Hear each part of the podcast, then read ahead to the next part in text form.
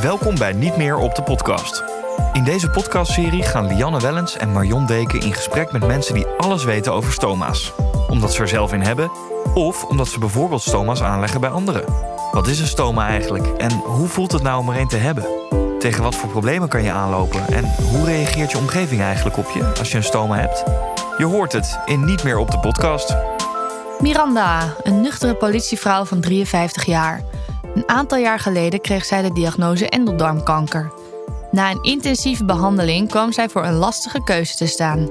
Meerdere keren per dag naar het toilet of een stoma. Ze koos heel bewust voor het laatste. Met een stoma behield ze voor haar haar kwaliteit van leven. Ze kan weer wandelen, sporten en kamperen.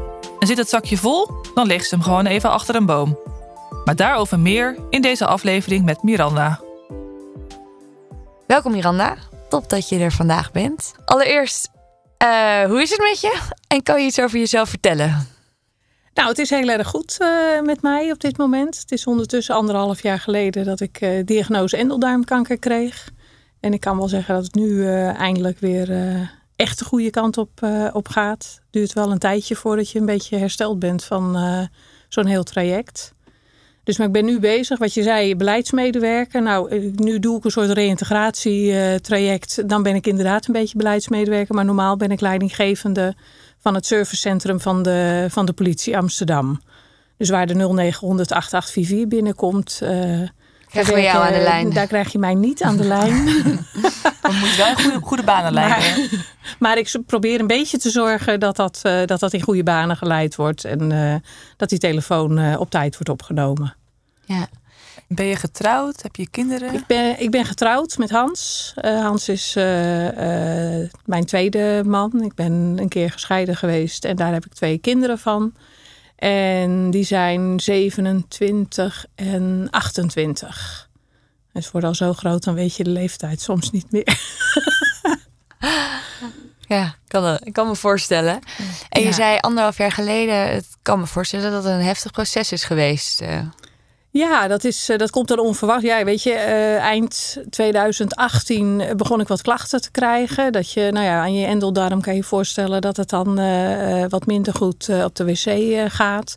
Maar ja, iedereen heeft wel eens wat, denk je dan. En dat je drie keer op een dag moet in plaats van één keer. Nou ja, dat, op het, op het toilet denk je dan van dit is een beetje raar. Maar zo gauw ik van het toilet af was, dan dacht ik er gewoon helemaal niet meer aan. En dan was je gewoon, je hebt gewoon een druk leven. Dus uh, ik heb daar verder niet zo heel erg bij stilgestaan. Ik had ook verder geen pijn of zo. Het was gewoon meer lastig.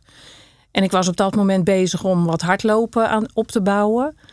En dat lukte ook niet meer. Want elke keer na een paar honderd meter dan uh, kreeg ik aandrang. En dan kreeg ik kramp. En dan moest ik weer even wachten. En dan kon ik weer een stukje lopen. En dan moest ik weer even wachten.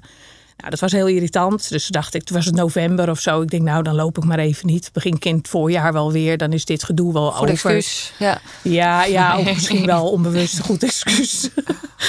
en, uh, uh, maar toen op een gegeven moment merkte ik dat ik ook niet meer ging wandelen. Dat ik dat ook ging vermijden. Want dan ging ik de hond uitlaten met mijn man. Daar ging heel vaak naar het bos de hond uitlaten. En dan moest ik ook steeds even, even wachten. Dan zei ik, oh, even stoppen hoor, want ik moet zo nodig. Dan dacht ik, hoe kan dat nou? Ik ben al twee keer geweest vandaag. En het is pas één uur middags of zo. Nee, van, dat, dat, lukt, dat, dat klopt niet. Maar ja, dat kun je dan nog, ook nog wel een poosje wegstoppen. En toen werd het ineens wel heel erg. Daardoor kwam ik wel weer bij de huisarts terecht en ging, kreeg ik wel dat onderzoek. En toen in januari, uh, nou ja, dan gaan ze met de camera naar binnen. En uh, toen zagen ze de grote vriend zitten. Dus dan zit je gelijk in de molen. Dat was wel schrikken. Uh, dat is heel erg schrikken. Ja, ja, nou ja. Ondertussen wist ik wel, of ik denk er zit of een tumor of ik heb een soort, je hebt een soort endeldarmontsteking. Die geeft een soort, soort gelijke uh, klachten. Dus ik denk, ja, het is één van de twee. En dan hoop je maar op de ontsteking. Maar het was niet heel erg dat ik, ik dacht niet dat er niks aan de hand was tegen die tijd. Dus alleen wat je dan allemaal gaat overkomen, daar heb je geen, geen besef van, gelukkig dat gaat stapje voor stapje. Dus uh, nou ja, dan krijg je alle scans en toestanden uh, en een behandelplan. Dus toen ben ik met vijf weken chemoradiatie begonnen. Dus elke dag de bestraling en twee keer per dag uh, zo'n handvol van die, die rotpillen naar binnen werken. Daarna moet je twaalf weken wachten, want die bestraling werkt nog zo lang door. En daarna werd ik geopereerd. Dus in juni vorig jaar ben ik geopereerd. En toen is de tumor weggehaald. Uh, wat, er nog, wat er toen nog over was. En uh, nou ja, een stuk van mijn endeldarm natuurlijk weggehaald. En uh, nou ja, tumor eruit, stoma erin. ja, want hoe, hoe ging dat dan? Die, die, behandeling had je gekregen om de tumor waarschijnlijk ook wat kleiner te maken. Maar hoe kwam je dan tot het besluit dat je geopereerd moest worden en wat voor operatie dat zou worden? Hoe ging dat? Nou, dat, dat is normaal. Dat je dan, uh, het kan zijn als je een heel klein tumortje hebt, dat hij helemaal weg is en dat ze besluiten om niet te opereren. Maar dat is eigenlijk, nou ja, dan moet, je, dan moet hij al heel klein in het begin zijn. En hij was bij mij behoorlijk groot. Hij was uh, doorgegroeid uh, door de darm. Hij, ze dachten dat hij misschien zelfs in mijn baarmoeder was gegroeid. Dat was gelukkig niet zo. Hij zat wel tegen mijn baarmoeder, tegen mijn buikvlies, uh, tegen mijn vagina. Daar was hij wel een stukje ingegroeid. Dus dat soort dingen is allemaal wel, uh, was wel vrij groot. Dus het was uh, al van tevoren bijna zeker dat ik geopereerd zou moeten worden. Dus het was echt 99 procent. Was het toen ook al zeker dat je een stoma zou krijgen? Nee, dat was uh, niet zeker. Dat was ook in eerste instantie het eerste gesprek wat ik had met de chirurg. Uh, naar aanleiding van de scans. Toen zei ze van nou, er blijft waarschijnlijk uh, voldoende van je endeldarm over om het weer aan elkaar te zetten. Dus je hoeft geen stoma.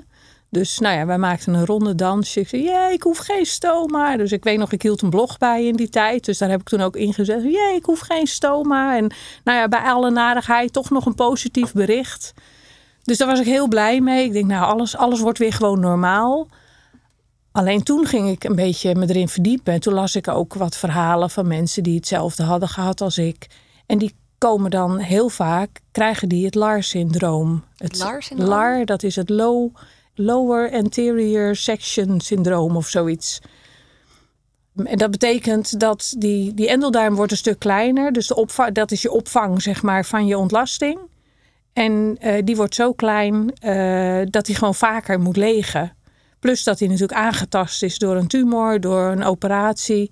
Uh, dus die kan soms een beetje de weg kwijtraken, zeg maar. Waardoor je gewoon 20, 25 keer naar de wc moet. En gewoon constant een soort van diarree hebt. En diarree-remmers moet slikken. En weet ik van, nou ja, allemaal gedoe. Uh, nou, ik had vanaf het najaar van 2018 al een hoop gedoe gehad. Dus hè, niet meer kunnen hardlopen, vaak uh, aandrang. Uh, ik denk, oh, krijg ik dan weer gedoe? Of nog steeds gedoe? Ik wil van dat gedoe af.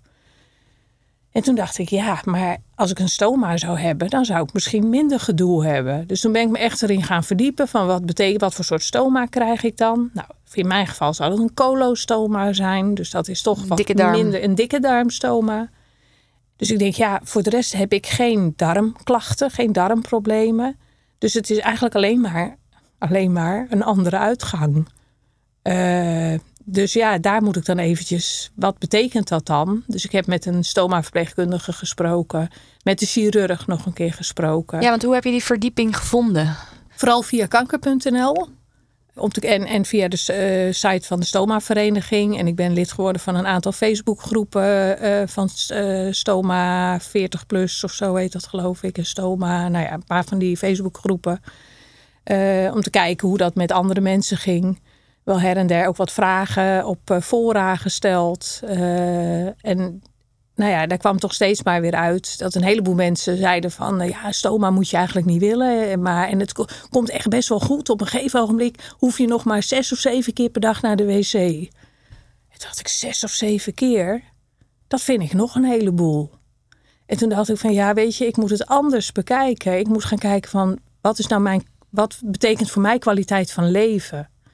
Uh, ik heb sowieso kanker gehad. Ik had in die tijd, en dat heb ik nog steeds, niet het uh, ik hoop natuurlijk dat ik 90 word, maar dat is niet meer vanzelfsprekend. Dus uh, stel dat, dat het terugkomt of stel dat ik niet zo lang heb, dan wil ik die tijd wel alles kunnen doen wat ik graag wil. En dat, zijn niet, uh, dat is niet borduren op de bank achter de geraniums. Waarbij ik gewoon zeven keer per dag naar het toilet kan gaan. En dat is geen probleem. Nee, ik wil gewoon werken. Ik, wil, ik hou heel erg van wandelen. In de, nou, het liefst een paar dagen met een tentje op mijn rug, rugzak. En lekker buiten zijn, kamperen. er dagen op uitgaan dat wil ik doen. En dan moet ik niet de hele tijd bezig zijn met ik moet naar een wc. Is er wel een wc? En steeds last hebben van krampen en dat soort dingen. En pillen moeten slikken. Denk ja, dat is voor mij geen kwaliteit. Dat is niet mijn kwaliteit van leven. Want het is natuurlijk voor iedereen verschillend. Hè? Dus het is echt heel uh, nou ja, persoonlijk. ja, jouw afweging geweest. Uh, ja. ja. En zo heb ik hem ook steeds bij, uh, in ieder geval zoals bij de chirurg en bij de stoma-verpleegkundige, bij dat soort mensen neergelegd. Van in mijn geval, wat betekent dat dan? En dan, dan is het niet meer zo luchtig van, ach ja, na een jaar zit je misschien op zes, zeven keer per dag naar de wc. Denk ik, een jaar. Ik, een jaar. Ik kan over een jaar, kan het wel uitgezaaid zijn. Kan ik wel helemaal niks meer kunnen. Uh, ik wil in dat, in dat jaar al genieten en dingen doen die ik leuk vind. Dus nou ja, dat uiteindelijk liep de keu. Eigenlijk had ik in het begin al gedacht vanuit nou, mijn hypothese was dat een stoma beter voor me zou zijn. En uiteindelijk na het onderzoek bleek dat voor mij ook wel zo te zijn. Maar dat blijft een keuze, want er zeiden mensen van ja, je maakt een keuze, maar en ik merk dat ik daar nu gewoon nog emotioneel van word. Het is geen keuze die je wil maken. Ik wil niemand wil de uitgang op zijn buik hebben. Niemand wil uh, een zakje poep uh, hebben hangen. Uh, weet je, dus het is geen keuze die je wil maken. Maar ja, het was wel een keuze die ik moest maken. En ik wist ook van, ik zal daarna misschien ook nog wel eens spijt hebben. Ik zal er misschien nog wel eens om huilen. Ik zal nog wel eens denken van, waar ben ik in godsnaam mee bezig geweest? Nou, dat is ook gebeurd, maar eigenlijk heel weinig. Eigenlijk ben ik vanaf het eerste moment ben ik er blij mee geweest. Nou, het tweede moment.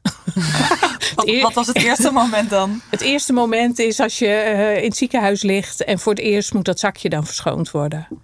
En ik had mezelf voorgenomen, ik ga vanaf het allereerste zakje ga ik het, ga ik het zelf doen. Want uh, je, je moet toch een keer, dus er is een keer een eerste keer. Nou, laat dat dan ook maar gewoon de allereerste keer zijn.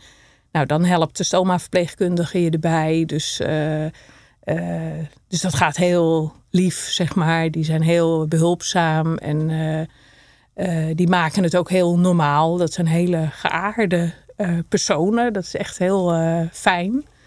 Ehm, maar ja, weet je, dan heb je allerlei narcose-rotzooi in je lijf. Dus het ruikt allemaal verschrikkelijk. En het ziet er natuurlijk allemaal nog opgezwollen uit. Het is alsof je een buik vol met stenen hebt.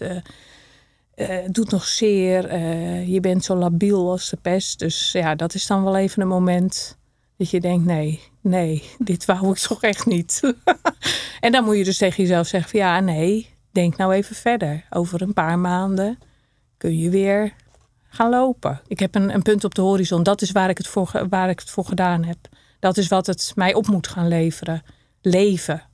De tweede keer ging het al makkelijker. Toen moest ik het trouwens zelf doen. En dan sta je bij zo'n wasbak. Dan kan je nauwelijks op je benen staan. Dat is ook... En toen wist ik niet meer hoe het moest. Die weet je, het zijn allemaal zo lief in zo'n ziekenhuis. Dus uh, dan staat er gelijk iemand naast je. En die zegt, nou kom, gaan we het samen doen. En uh, nou ja, weet je, dan word je geholpen. En dan denk je, oh ja, zo moeilijk was het ook helemaal niet.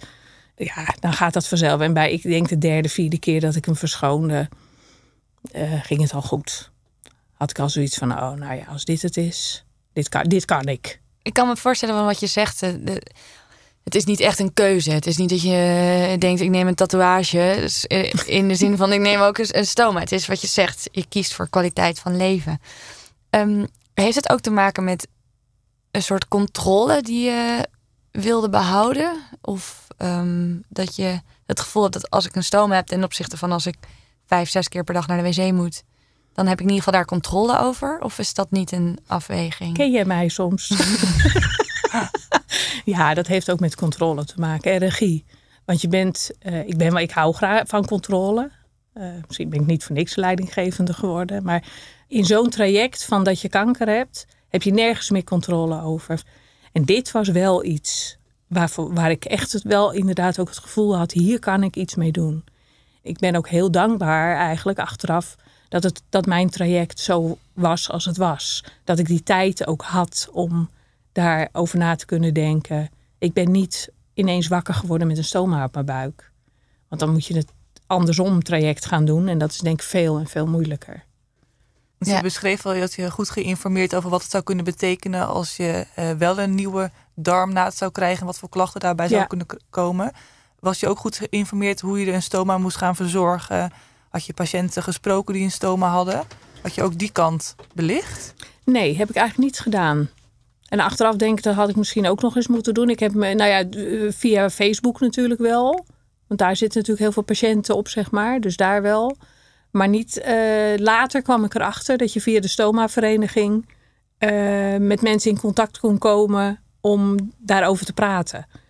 Uh, dus gewoon met patiënten. Maar dat heb ik, nee, dat is me, was me toen niet bekend en heb ik niet gedaan. Want je hebt het over Facebook-groepen. Die ja. zijn speciaal voor stoma-patiënten? Of hoe, ja. hoe, werkt dat? Ja, er zijn een paar Facebook-groepen vanuit de stoma-vereniging. Daar zetten mensen van alles op. Er worden ook heel veel grapjes gemaakt over uh, poep. Heb je een voorbeeld? Nee, ja, ik zit nu gelijk te denken. Oh, dan had je me van tevoren even moeten vragen. Dan had ik even wat opgezocht. Maar er zijn wel mensen die, uh, die heel... Uh, nou ja, die heel grappig uit de hoek kunnen komen. Ja, weet je, het gaat nou, ik kan me herinneren dat hij op een gegeven ogenblik zette iemand er iets op van uh, heb je dat ook wel eens? Dan sta je lekker te douchen en dan glij je ineens uit over zo'n bruine jongen. Weet je? ja, weet je, als je het in de kroeg vertelt, dan denkt iedereen,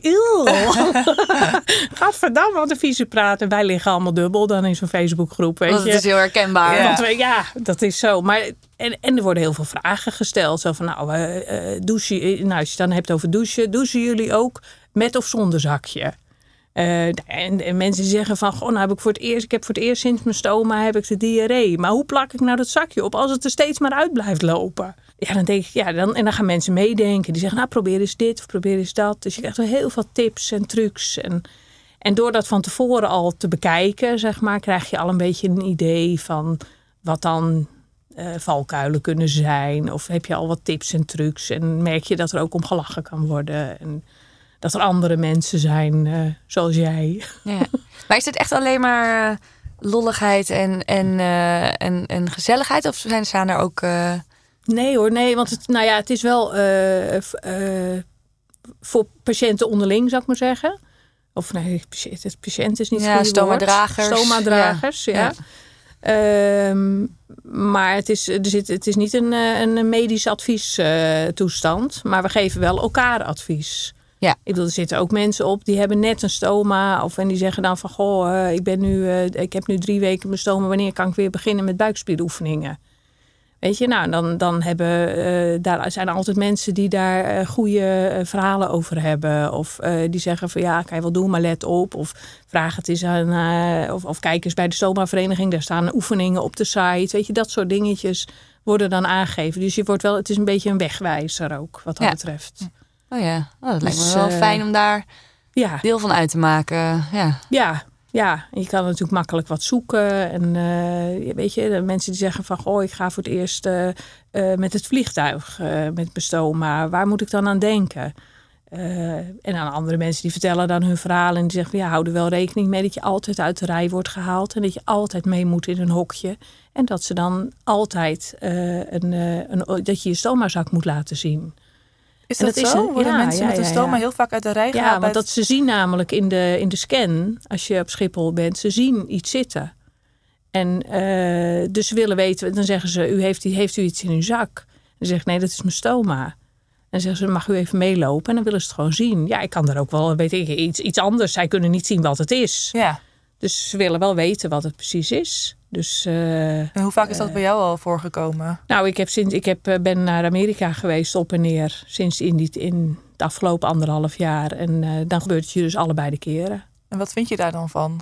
Dat je... Nou, ik wist het van tevoren door die Facebookgroep. Dus, dus ik had al, en ik had ook al gemerkt dat sommige mensen maken daar een enorm drama van. Die vinden dat echt een soort inbreuk op hun lichamelijke ja. integriteit of zo. En dan denk ik van ja, ik vind het alleen maar logisch. Weet je, dat, dat hoort er ook bij. De politievrouw in jou vindt dat logisch. Ja, ja. ja, maar dat, ja, dat gaat om veiligheid. En, en dan denk ik van ja, en wat is nou... Ze gaan echt, je hoeft die zak er niet af te halen en ze steken er geen vinger in of zo. Ja. dat zou, nee, dat zou heel ver gaan. ja, dat, uh, en, en ik, ik moet eerlijk zeggen dat de eerste keer is dat nog wel. Want je wordt wel weer even geconfronteerd met het feit dat jij dus iets... Jij bent anders dan anderen. En dat is denk ik meer wat, wat het probleem is. Dat is en dat, is, dat geldt voor mij ook. Maar ja, goed, ik ben er niemand. Er gaat zo'n vrouw, gaat altijd een vrouw, want ze gaan laten het dan door een vrouw doen. En toen zei ik ook tegen haar, ik zeg, god, het is de eerste keer dat me dit overkomt. Dus ik vind dit best wel spannend. En ik heb hem ook, toen had ik hem nog maar pas een half jaar. Ik zeg, ik vind dit wel een beetje, doet me wel wat. Het is, oh, maar dat snap ik toch ook helemaal. Oh meid, joh, maar ik wil alleen maar eventjes, het is helemaal niks bijzonders. En ik doe dit elke dag. En, nou ja, en dan stelden ze mij weer een beetje op mijn gemak. En uh, nou ja, dan is, dan is het ook goed. Oh, ja. ja. ja. maar. Maar ik kan me wel voorstellen dat dat wel heftig is als je eigenlijk dan iets moet laten zien van je lichaam. Omdat je ja, uit een rij wordt gepikt ja. en wat anders is. Terwijl daar heb jij niet om gevraagd. Nee. En dat is... Uh, want ik heb totaal geen moeite met mijn stoma. Ik, in het dagelijks leven heb ik, denk ik er eigenlijk uh, niet eens heel veel over na. Uh, het is gewoon deel, deel van wie ik ben. ik schaam me er niet voor. Maar dit zijn dan van die momenten dat je geconfronteerd wordt met een soort anders zijn. En dat is wel lastig. En daar heb ik nog, ik weet niet of ik dat al eerder had gezegd, maar ik heb daar nog een voorbeeld van. En dat is dat ik voor het eerst naar de sauna ging.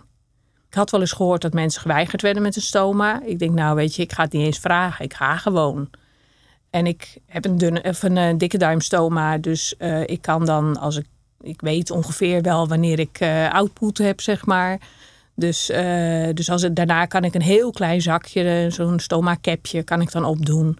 En als ik dan zorg dat ik voldoende spullen bij me heb, dan komt het allemaal wel goed gedurende de dag.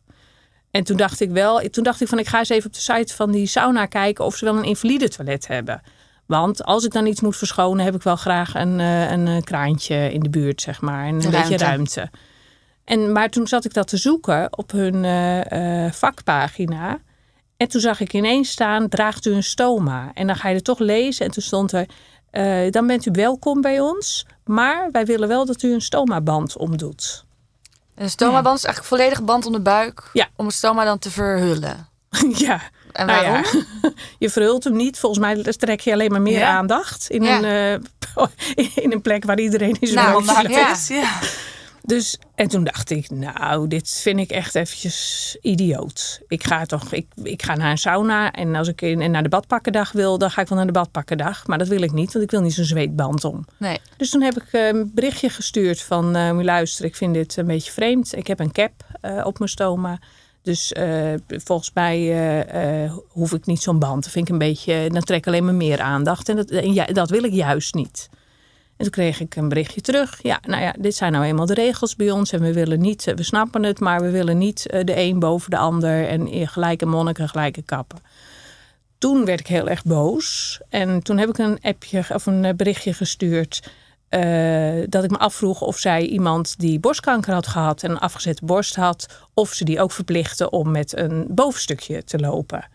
Uh, want dat, dit, uh, dat ze blijkbaar geen idee hadden wat een stoma was. Dat zij blijkbaar dachten dat het iets was wat niet hygiënisch was. Of uh, dat de poep langs mijn benen zou druipen of zo. En dat, het, dat, ik, dat mijn stoma hygiënischer is dan de meeste billen van de mensen die daar rondlopen. Nou ja, ik heb er een heel verhaal van gemaakt. Ik was echt ik was ontzettend. Ja, klinkt dat een heel, heel goed bericht. En toen kreeg ik uiteindelijk een berichtje dat ze voor mij een uitzondering gingen maken. Nou ja, zeg. En, toen, ja, en ik had ook in mijn bericht gezet van uh, uh, dat als dat blijkbaar de regels waren bij hun, uh, dat ik me daar wel heel erg over verwonder en dat ik het door zou geven aan de stoma-vereniging.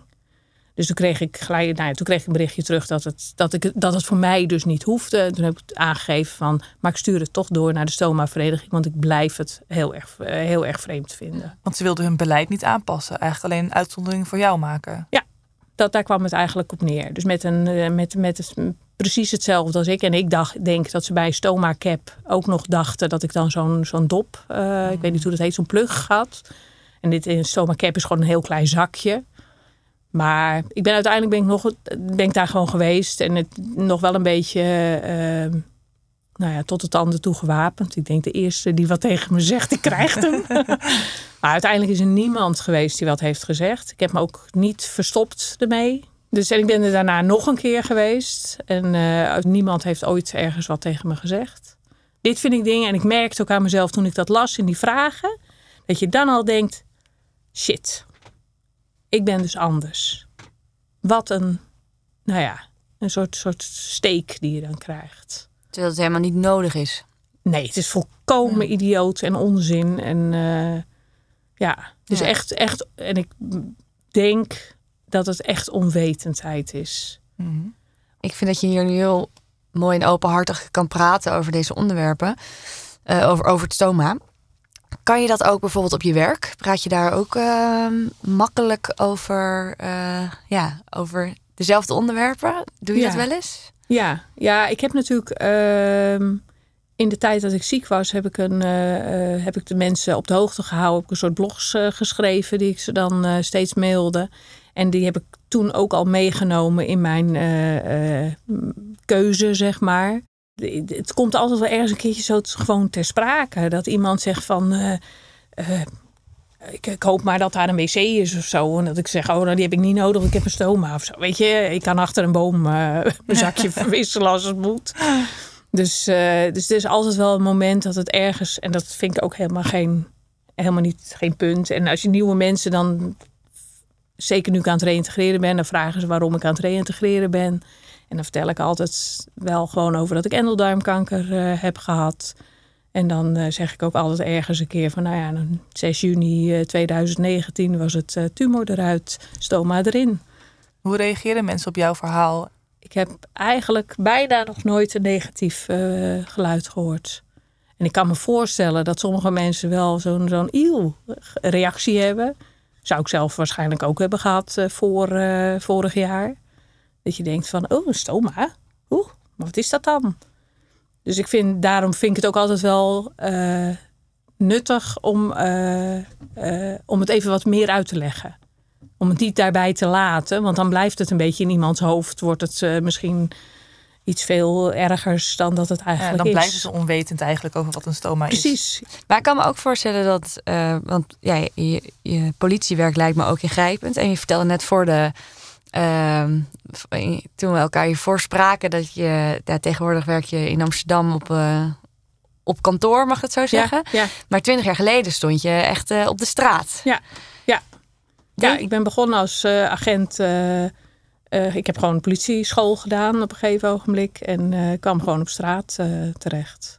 En, ja. en heb je het gevoel dat het hebben van een stoma je op dit moment in je werk beperkt? Nee, niet in de keuzes die ik heb gemaakt uh, in de loop van mijn carrière. Die hebben me geleid naar waar ik nu ben. Uh, dus dan zit ik meer in de, in de kantoorhoek, uh, zal ik maar zeggen, van de politie.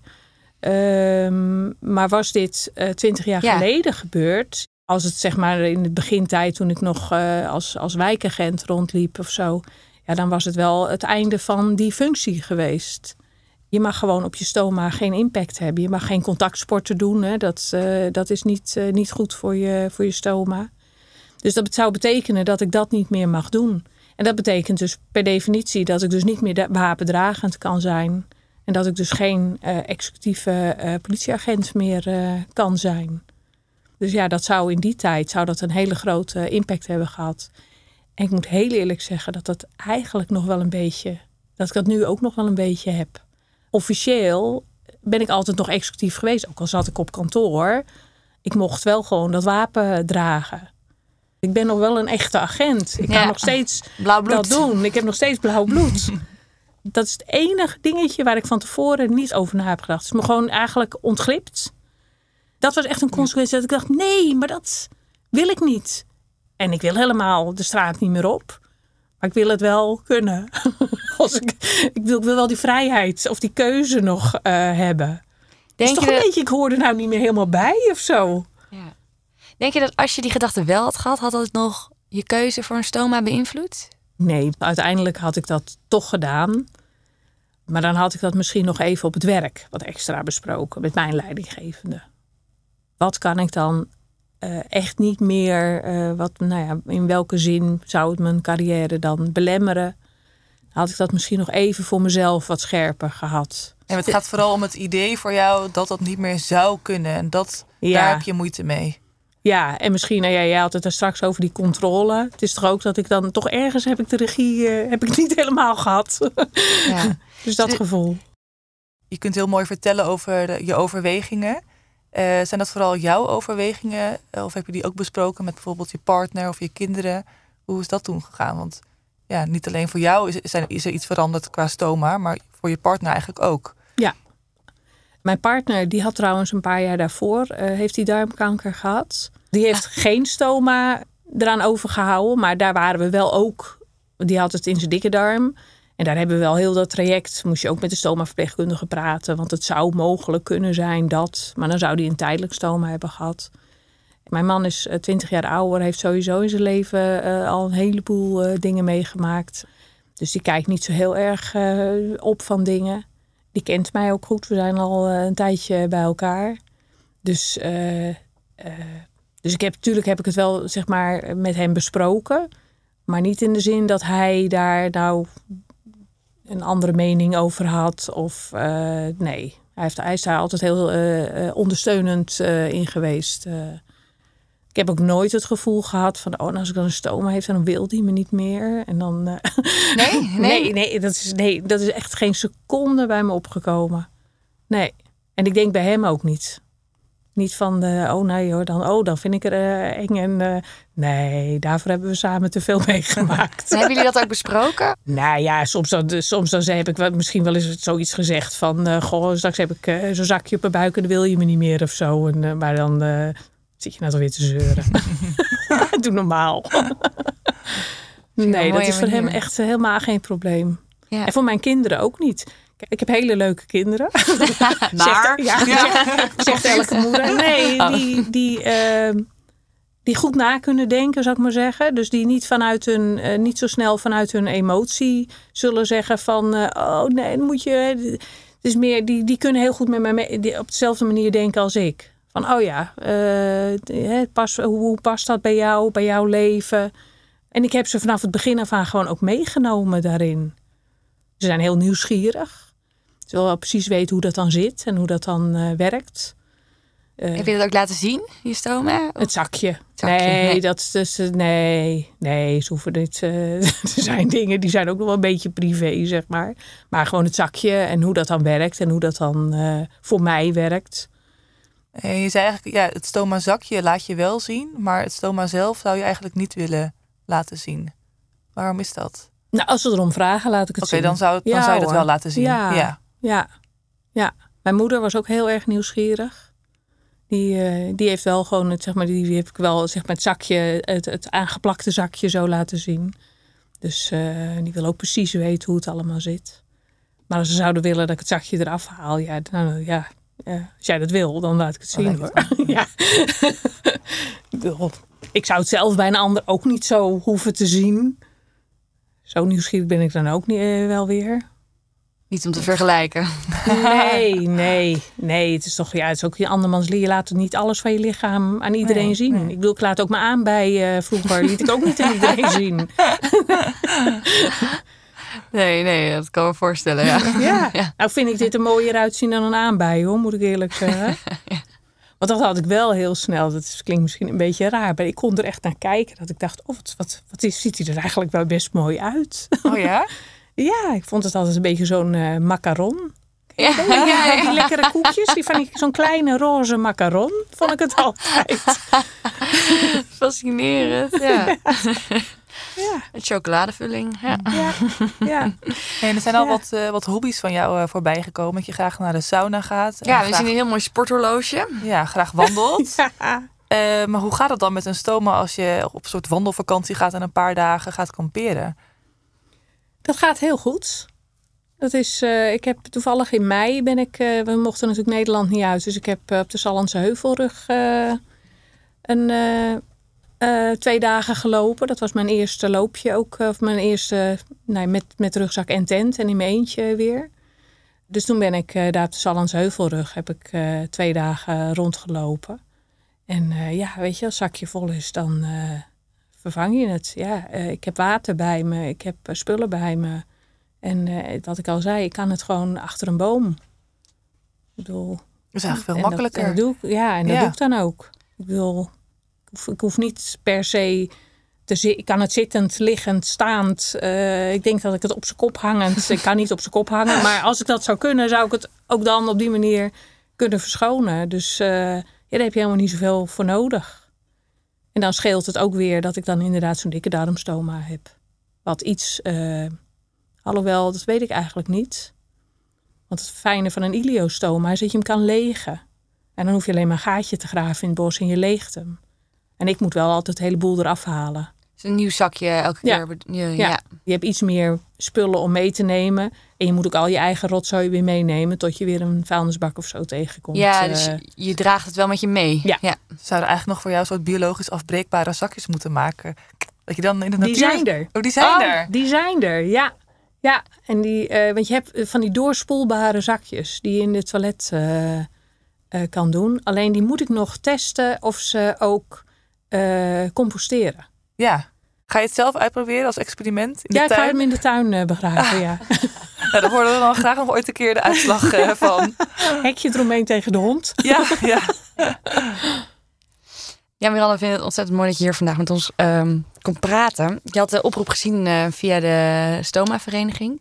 Wat triggerde jou nou echt om, om contact met ons op te nemen? Uh, nou, ik ben dolle podcasts, dus dat op de eerste plaats. Dus ik vind het hartstikke leuk om hier eens in zo'n studio te zitten. Maar vooral omdat ik denk dat ik een positief verhaal te vertellen heb over het hebben van een stoma. Dat de stoma niet eng hoeft te zijn en niet uh, elke dag, dag in dag uit voor narigheid hoeft te zorgen. Maar dat het juist de andere kant uh, kan geven, namelijk kwaliteit van leven, vrijheid. Uh, het gevoel dat je, nou ja, normaler dan dit kan ik gewoon niet worden. Wat zou je mensen die uh, mogelijk luisteren naar deze podcast um, nog willen meegeven? Um, nou, verdiep je er eens in. Hè, het, dat mensen naar deze podcast luisteren betekent al dat ze zich erin verdiepen. Maar mijn verhaal is maar één van de vele verhalen. Want er zijn allerlei manieren waarop je aan de stoma kan komen. Maar uh, uh, vraag inderdaad eens mensen die een stoma hebben hoe het is om het te hebben. Uh, vraag ook naar de positieve kanten, naar de negatieve kanten. Beschouw het als hetzelfde als iemand die zijn hand mist en een, een, een, bionische hand heeft of zo. Beschouw het gewoon als nou ja, een kroon die je krijgt omdat je kies is uitgevallen. Gewoon iets wat vervangen wordt omdat er even geen andere, omdat er geen natuurlijke oplossing is. En dan wordt het wat normaler, denk ik. Hoop ik. Ja. Miranda, dankjewel voor uh, je verhaal en vooral je nuchtere kijk uh, hierop. Nou, graag gedaan. Bedankt voor het luisteren. Wil je nou meer weten over stoma's? Neem dan een kijkje op www.stomavereniging.nl of blijf luisteren naar deze podcast. Deze podcast is gemaakt door Lianne Wellens, Marion Deken en Max Schuiling en is mede mogelijk gemaakt door de Stoma Vereniging en Zon MW.